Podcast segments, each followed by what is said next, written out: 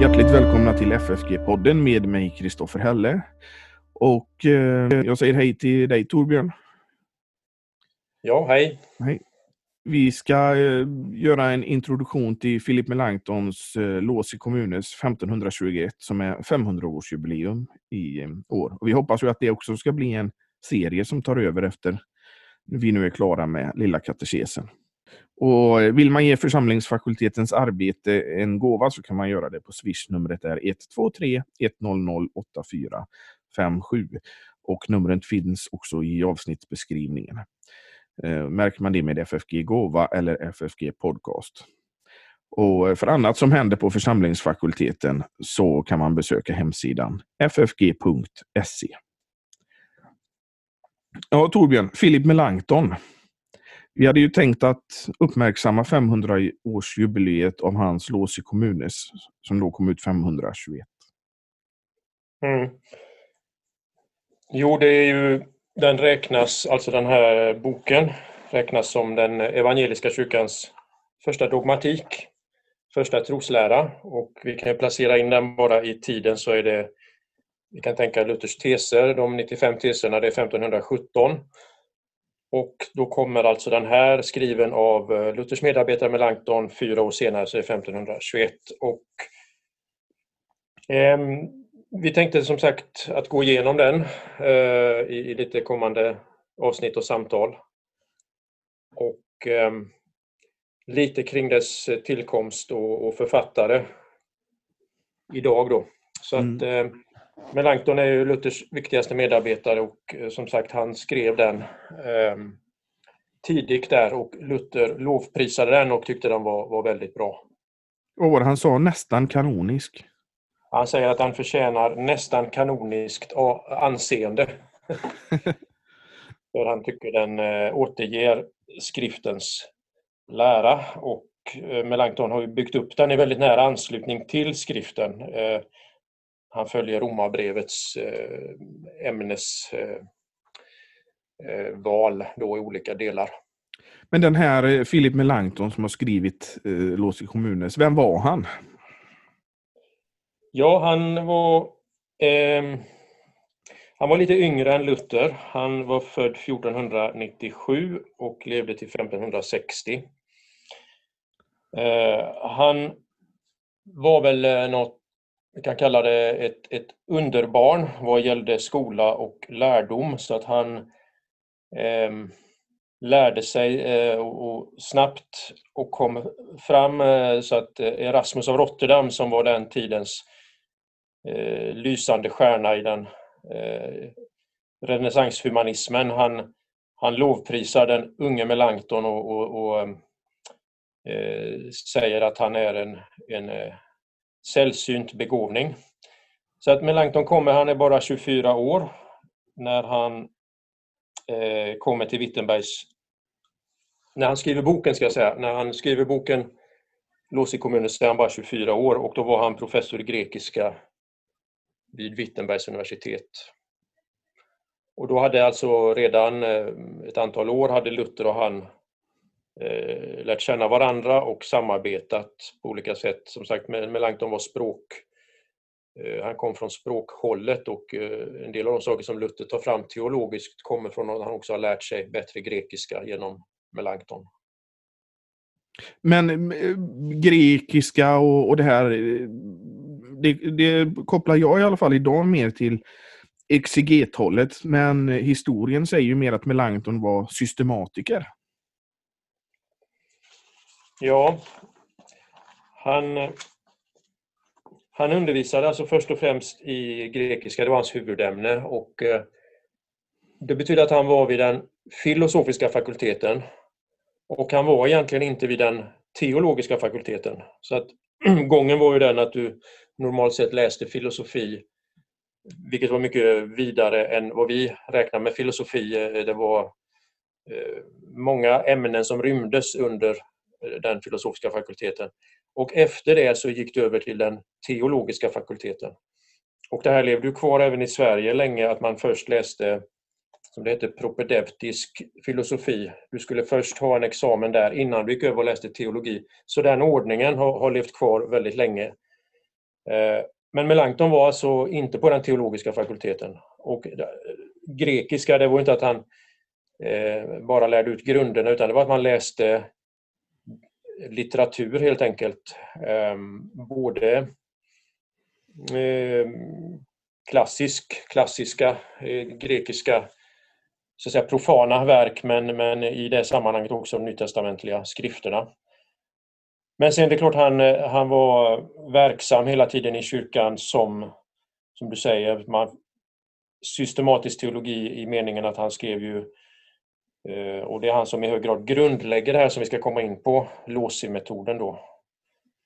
Och mest känd är han ju för att han författade den augsburgska trosbekännelsen 1530. Ja. Men ehm, eh, hur, hur, eh, hur kom det sig att Luther och Melanchthon fann varandra? Ja, han, eh, han kom som sagt till Wittenberg. Eh, jag tror det var där de eh, träffades. Jag känner inte till om de var bekanta innan. Och han kommer dit och då är han bara 21 år. Han kommer 1518 till, till Wittenberg. Och Melanchthon anslöt sig då, alltså det året efter Luthers spikar teserna. Han ansluter sig till eh, Luthers eh, idé om reformation av kyrkan. Han, han eh, blir en del i vad man ibland har kallat nu för Wittenbergkretsen. Vi tänker ibland att Luther var väldigt ensam och det var han i, i början. Eh, men så småningom är det ju flera som grips av, eh, av eh, nöden för, för kyrkans situation och önskar en reformation och eh, Melanchthon är en av dem. Så att det är den vägen som de också då lär, lär känna varandra.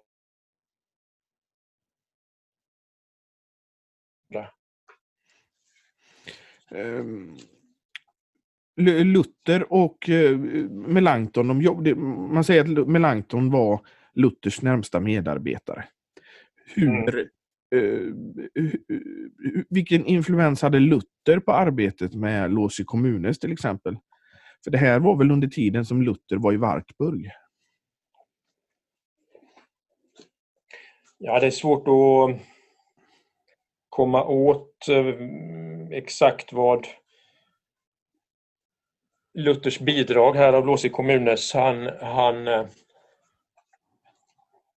han ligger bakom i hög grad, alltså Melanchthon har lärt sig mycket av Luther men samtidigt så som jag nämnde här så går riktningen eh, nog även åt andra hållet så att Luther har lärt sig av Melanchthon. Eh, det har man uppmärksammat eh, en del på senare tid här.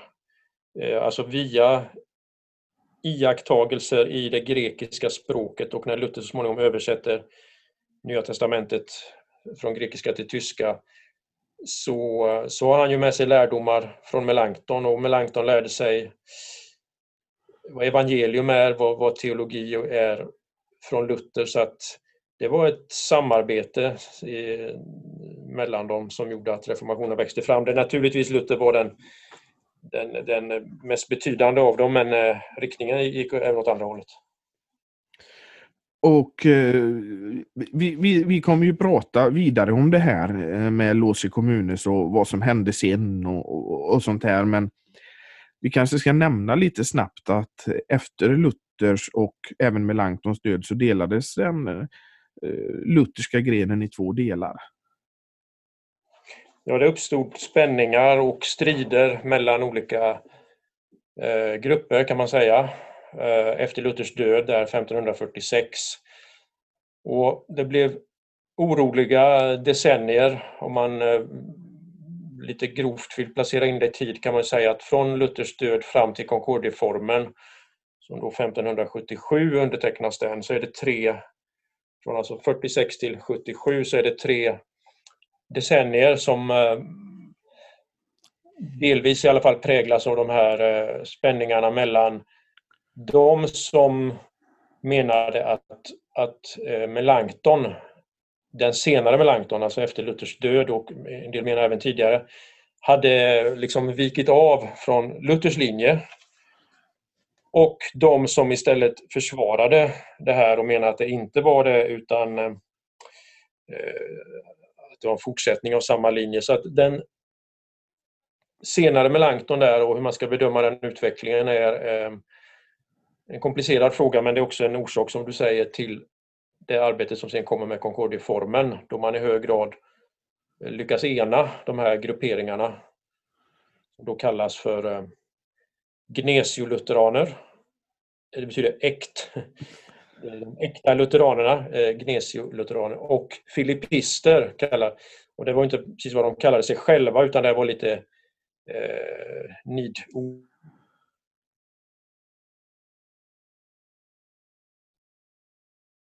ord som de satte på varandra. Men, men det, det, var grupperna i, i Concordieformen. Mm. Endräktsformen som den då betyder. Men det var i hög grad Melanchtons senare ställningstaganden och hur man ska bedöma dem som var orsaken till det här. Eh, jag, jag, vet inte om det här är bland de som har läst teologi, men jag förknippar i alla fall Melanchthon med tre saker väldigt starkt. Det är Losi Communes, det är Augsburgska bekännelsen och det är också lagens tredje bruk. Ja. För lagens eh. tredje bruk är ju någonting som oftast ges åt, alltså att med det Melanchthon som kommer det. Ja. Va, vad är lagens tredje bruk? Ja. Ja, men de, de, tre sakerna du nämner här, det är ju tre, tre viktiga saker och den tredje där eh, nu, ja, som heter just om det lagens tredje bruk. Det, det blev strider om det och det tas upp på, i Concordieformen.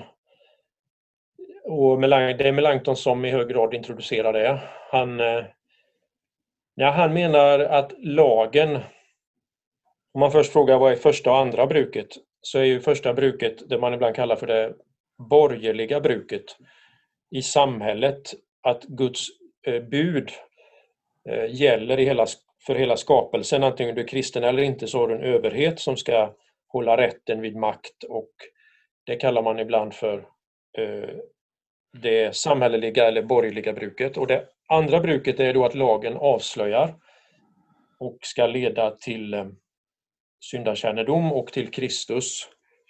Så att det andra bruket kallar man ibland för det teologiska bruket eller det andliga bruket. Och då tänkte en del att efter det så ska man inte tala så mycket mer om lagen för då är det evangelium, du har kommit till Kristus, du har kommit till tro. Och eh, så lever du det nya livet som kommer fram spontant. Du har Paulus eh, förmaningar i breven och, och, och så vidare. Men Melanchthon han, han vill även här tala om lagen och säger att lagen har här en vägledande uppgift. Så att när du frågar hur ska jag nu tjäna Gud så ska du inte hitta på egna till synes fromma gärningar utan du ska helt enkelt ta fasta på vad lagen säger. Där har du Guds vilja. Och det, det argumenterar han för att lagen gäller som vägvisare men inte som eh, dess fördömande liksom kraft är borta för den som är i Kristus. Och det här tycker en del är en, en god idé, det försvaras i Concordieformen. Medan andra har kritiserat det för att de är rädda att, att lagen kommer in på nytt och att det leder till att du som kristen leds in under lagen och också under lagiskheten på det sättet. Så därför är, har det varit omstritt det här eh, att, att tala så om lagen och att använda den på det sättet. I sak, om man bara kort ska säga det, så om man tänker till exempel på Lilla katekesen de tio buden så hänvisar Luther till dem, eh, om man till exempel ser på Stora katekesen, att, att, när du har kommit till tro och blivit kristen så säger han att, att då, och du ska leva ut ett kristet liv, så hänvisar han ju till buden, de tio buden. De är ju inte liksom passerade så här en gång för alla utan det är de som eh, kommer tillbaka så att i sak finns eh, det här också där i, i Stora Lilla katekesen och hos Luther. Men däremot är det omstritt eh, om han använder termen. Det, det, gör han troligen inte. Utan den är Melanchthons, men saken menar jag i alla fall eh, finns även hos Luther. Jag tänkte att det är lite som Saltaren 119.18. Öppna mig ögonen så att jag kan skåda undren i din lag. Mm. Melanchthon använder bland annat det faktiskt som ju argument att eh, det som i, i Saltaren vi har den här lovprisningen av, av lagen, Torah. Hur ska en kristen kunna instämma i den om nu lagen fördömer mig? Men, men då menar han att i Kristus finns ingen fördömelse. Det är Romarbrevet 8, vers 1. Det finns ingen fördömelse för de som är i Kristus Jesus. Och i Kristus kan jag därför eh, Eh, glädja mig över Guds lag. För den är helig och rättfärdig och god som Paulus säger. Och jag är fri från dess anklagande kraft och fördömelse för eh, när jag är i Kristus. Så att det här att ta vara på dess vägledning, undervisning och den väg genom livet som den visar. Det är det i hög grad Melanchthon vill eh, få fram på det här sättet med talet om det tredje bruket. Och eh, om vi går tillbaka till det här Losi communes. Och där använder Melanchthon någonting som kallas för Losi-metod. Som är en mm. metod. Vad är Losi-metoden eh, kort?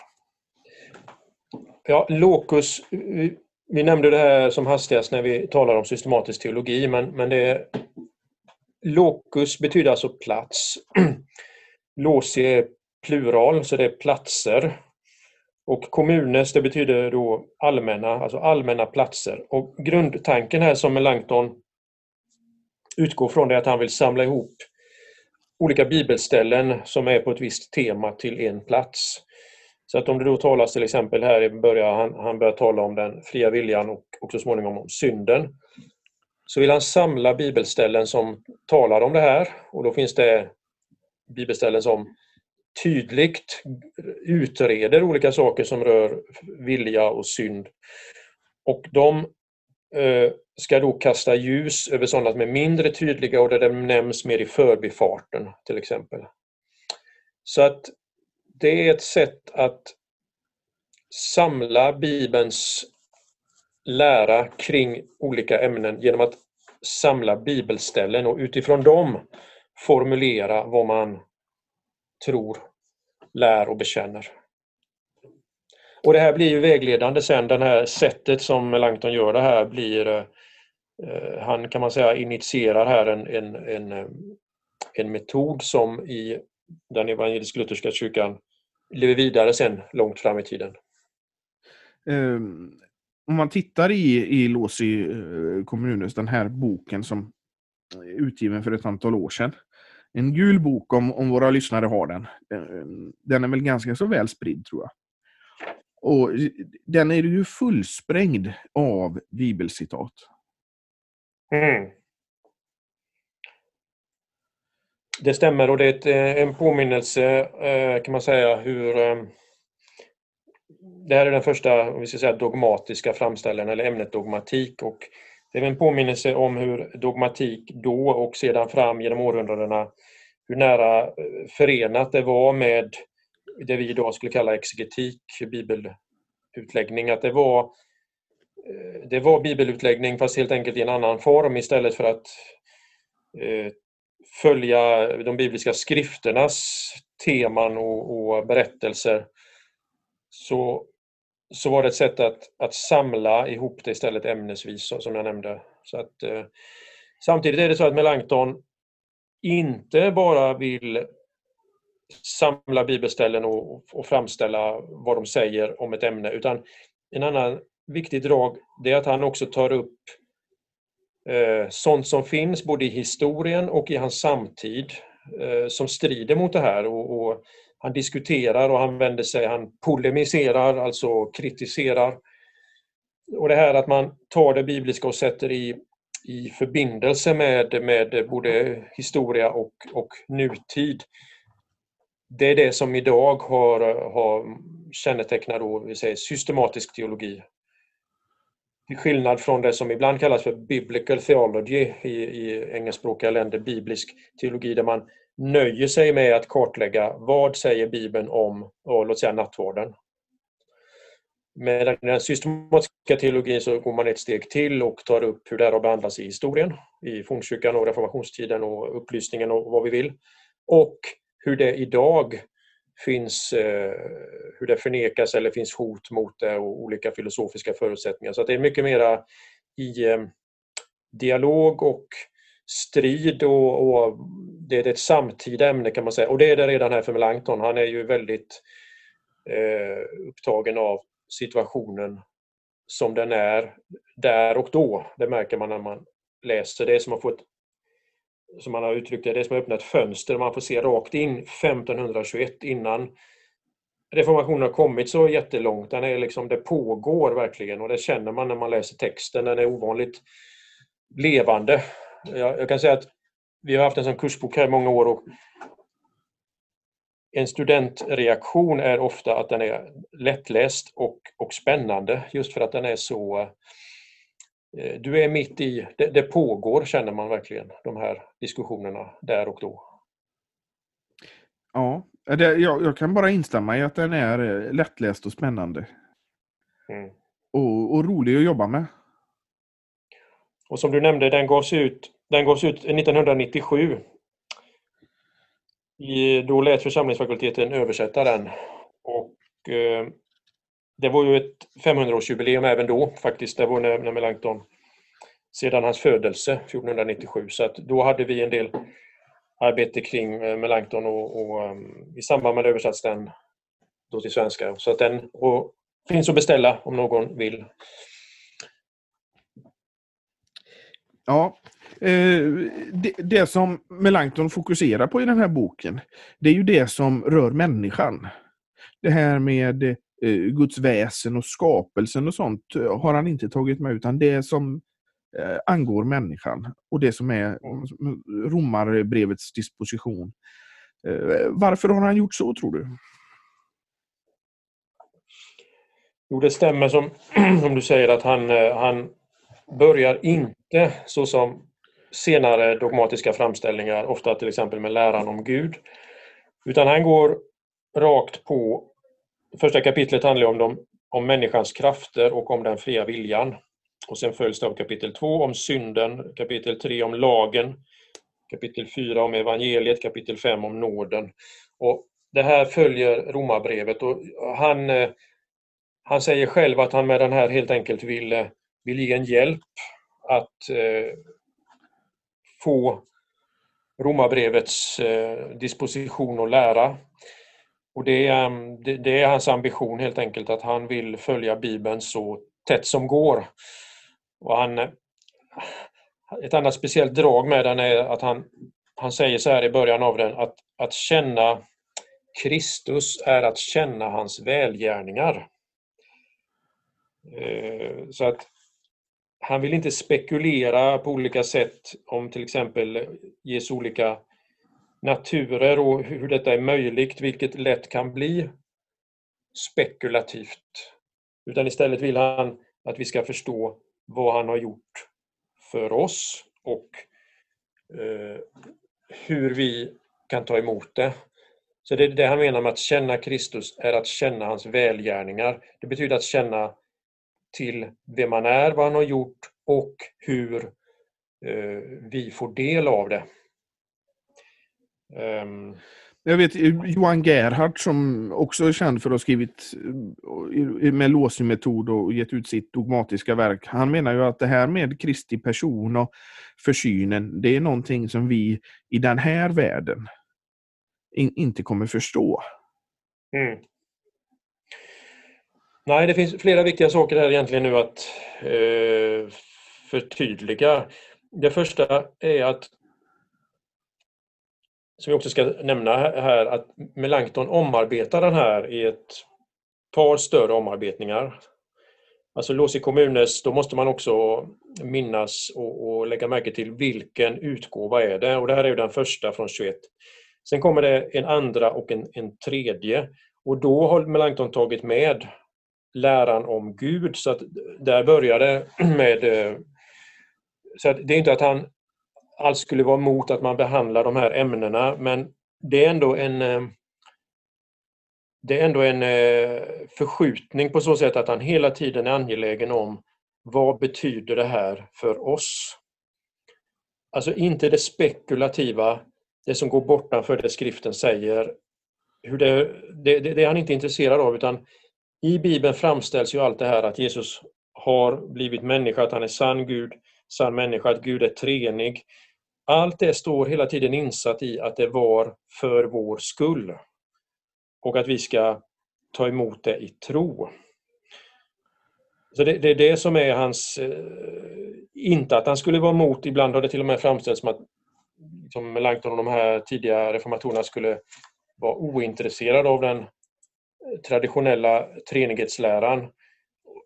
Och det var de anklagade för, bland annat därför Melanchthon i eh, Augsburgska bekännelsen. Han, han vill ju där först ta upp den apostoliska nicenska och atanasianska trosbekännelsen. Just för att visa att vi, vi bekänner det här eh, helt och fullt. Men det står allting insatt bakom det här förtecknet att det var för oss. Det är till vår frälsning och då försöker han ligga så nära bibeltexten som går.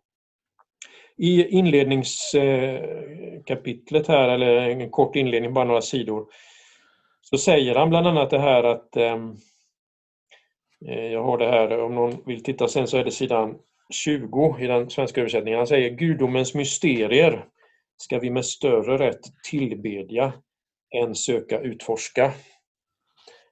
Det finns med här och sen säger han också det här att, att att lära känna Kristus är att känna till hans välgärningar. Och så jämför han det med Vet man inte varför Kristus iklädde sig köttet och fästes vid korset, vad gagnar det då att känna till hans historia? Eller är det kanske nog för en läkare att känna till örternas utseende, färger och yttre konturer, men inte veta vilken inneboende kraft örterna har?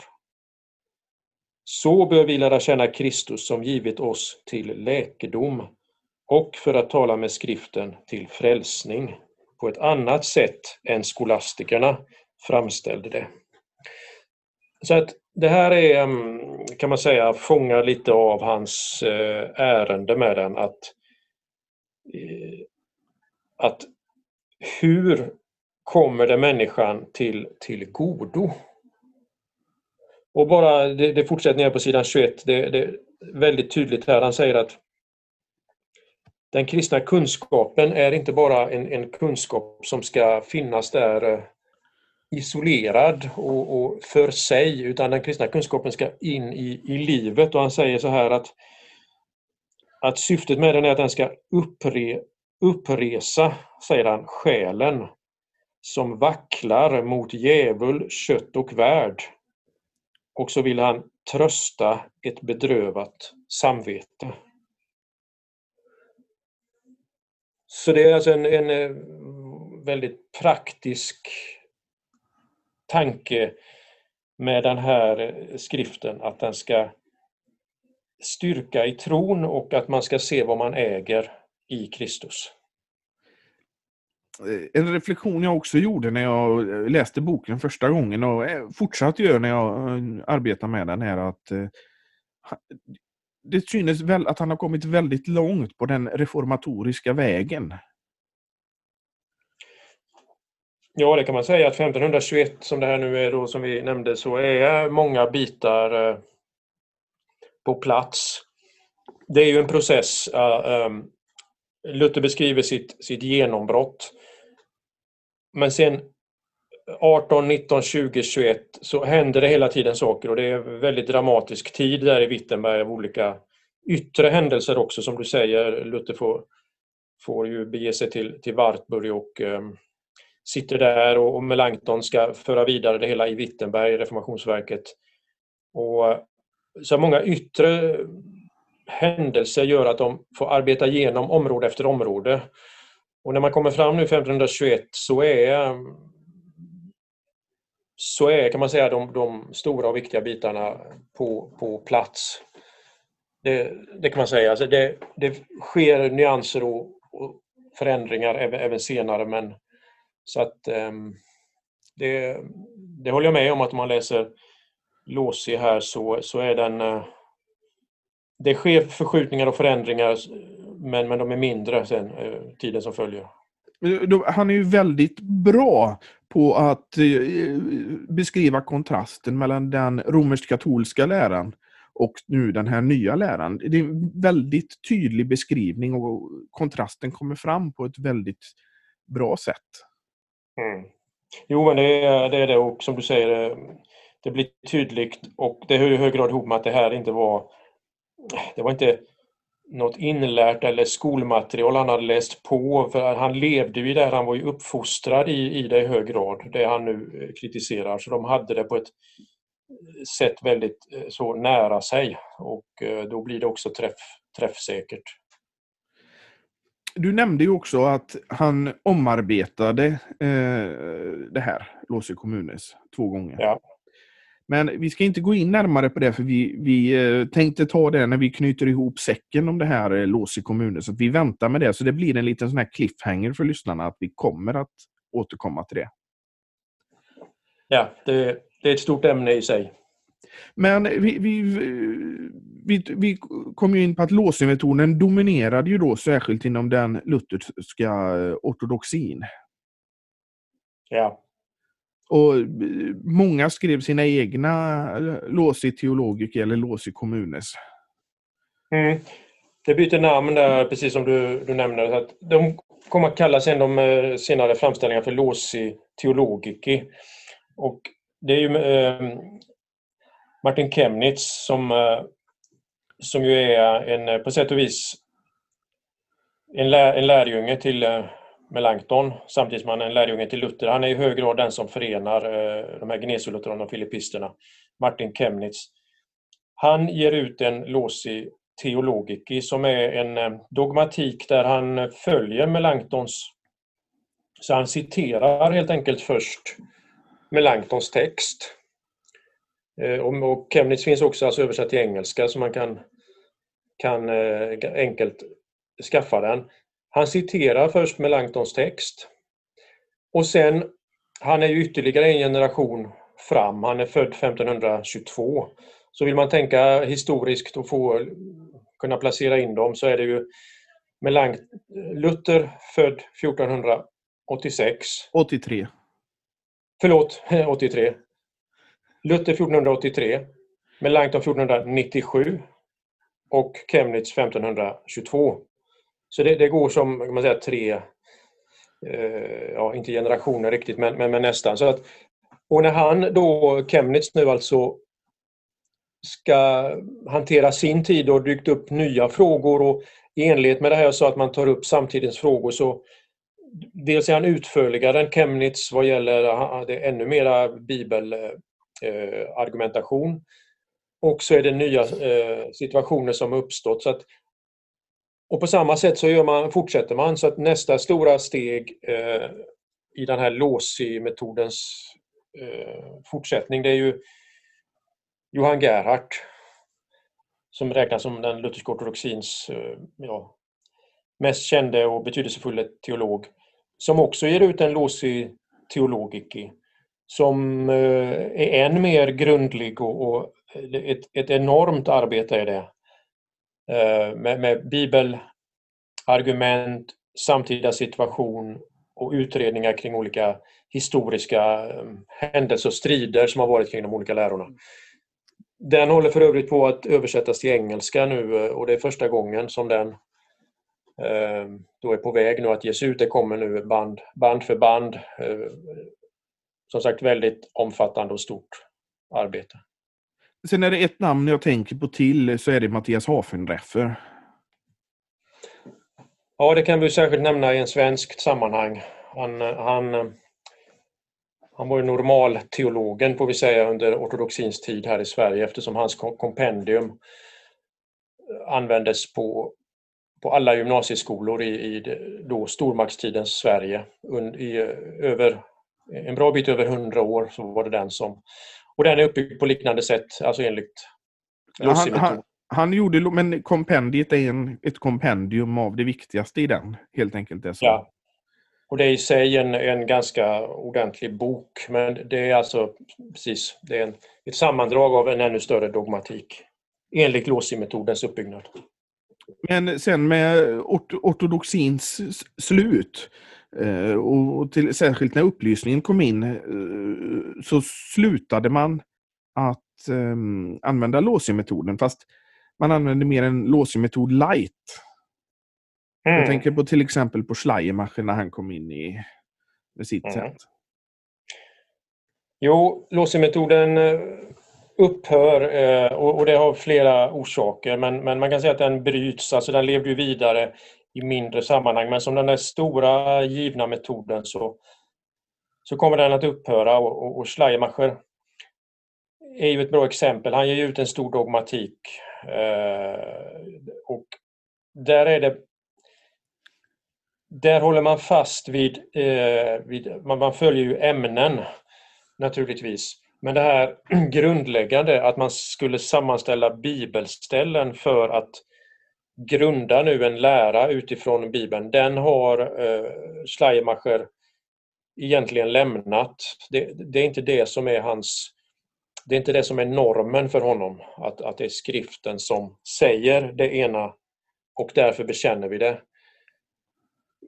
Så att den finns ju kvar i meningen att man, eh, alltså metoden att man behandlar olika ämnen på ett ordnat och systematiskt sätt.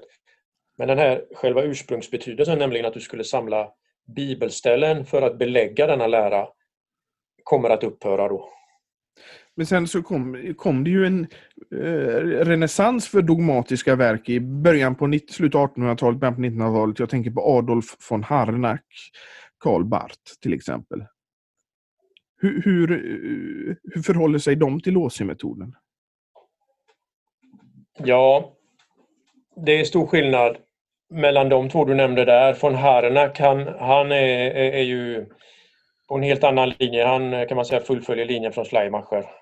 Alltså han, han ger ut eh, en bok som heter Kristendomens väsen. Och han menar att den kan reduceras till bara några enkla, eh, enkla satser och vill liksom han vill kapa banden till väldigt mycket av eh, traditionell dogmatik. Han ville för övrigt även kapa banden till Gamla Testamentet. Så att von Harnack, som var alltså, och det ska vi minnas att han var ju runt sekelskiftet 1900 när han var professor i Berlin så var ju han en av de verkligt inflytelserika akademiska teologerna. Inte bara i Tyskland utan långt utöver dess gränser. Och, och han argumenterar ju på fullt allvar att kyrkan skulle eh, lämna Gamla Testamentet som kanonisk skrift. Så, så, så illa var det. Eh, men, men så kommer första världskriget och hela den här liberalteologin som von Harnack representerar, alltså liberalteologi nu i, i, i teologihistorisk mening, som är den perioden, har sin kulmen där eh, runt 1900. Den eh, hade i hög grad förknippats nu med också politisk makt och vi har hela det här kulturprotestantism. Och man, den här optimismen att man, man skulle skapa ett kristet samhälle och, och det var en otrolig optimism där i början av 1900-talet. Och så kommer första världskriget och allt det här kraschar. Och mänsklig ondska som man inte trodde fanns bryter fram så hela fernissan faller och, och, och, det blir en stor kris i hela teologin och ur den kommer Karl Barth.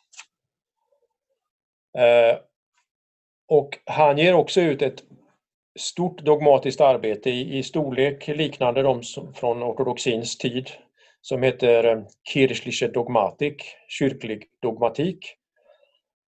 Som är uppbyggt i hög grad på liknande sätt som ett eh, klassi, traditionellt låsi. Eh, och i hög grad också på liknande sätt vad gäller att han anför bibelställen och så vidare. Samtidigt finns det hos Karl Barth Eh, väsentliga skillnader jämfört med ortodoxins tid. Alltså han identifierar inte Guds ord och bibelordet på det sättet som man tidigare gjorde.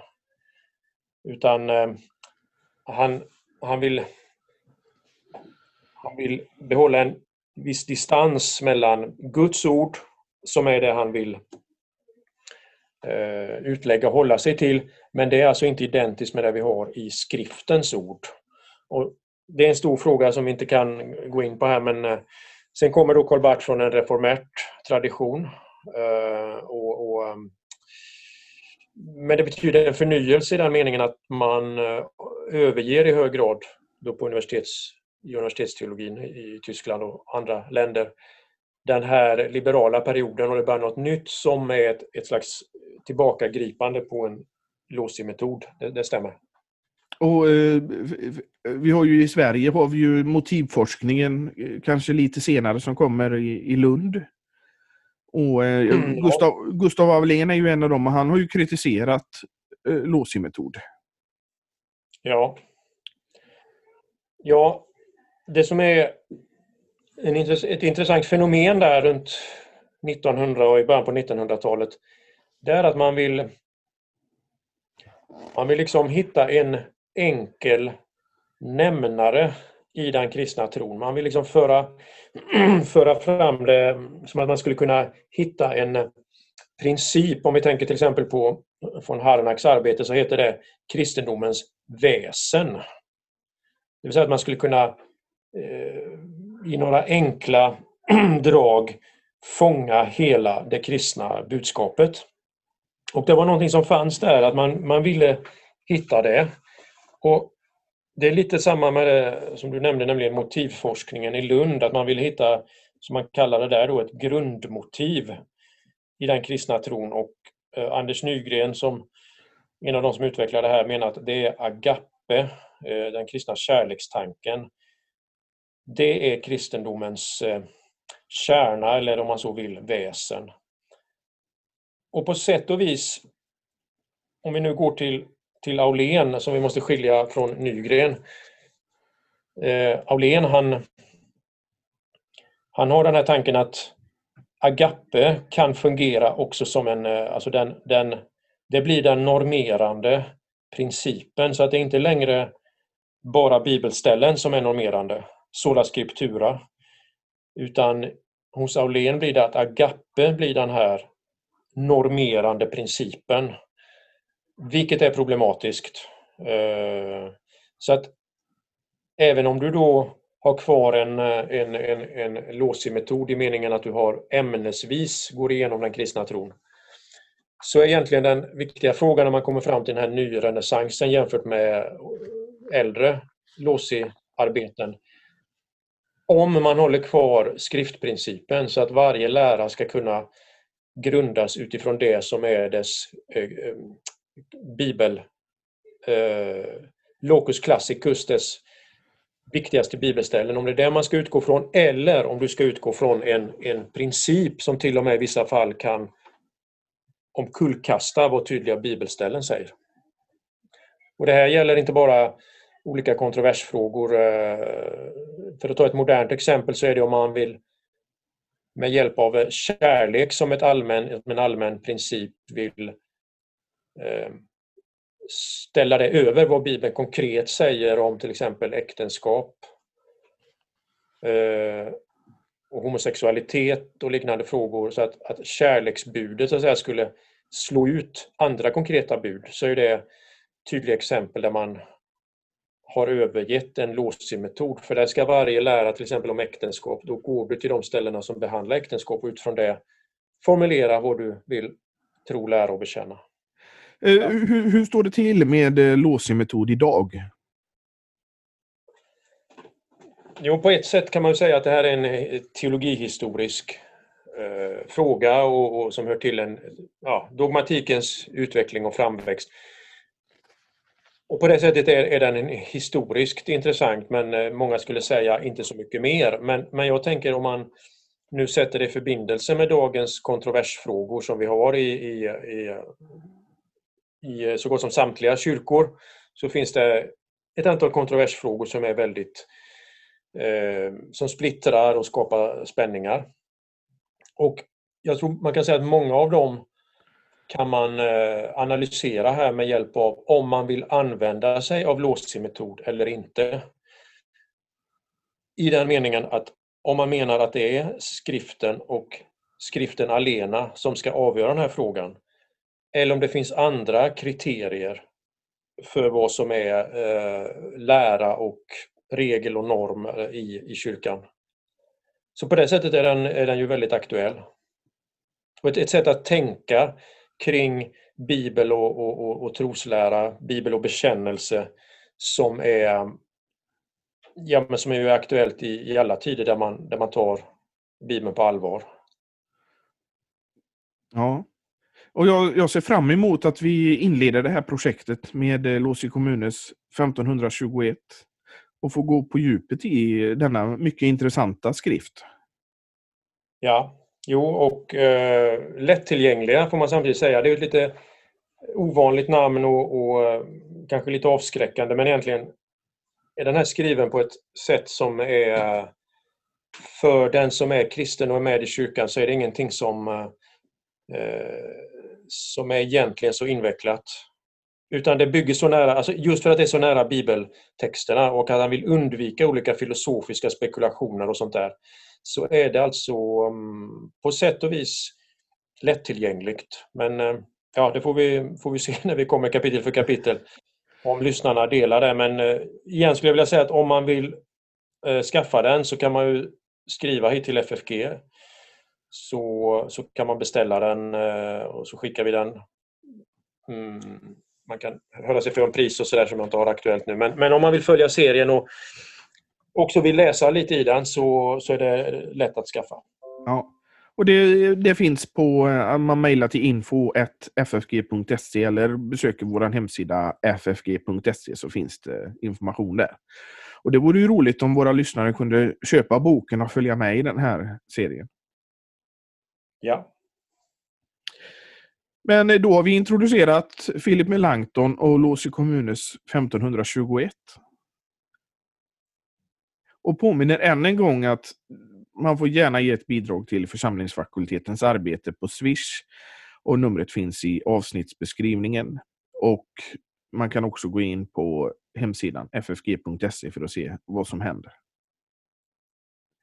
Då säger vi tack så mycket och på återhörande. Tack, tack.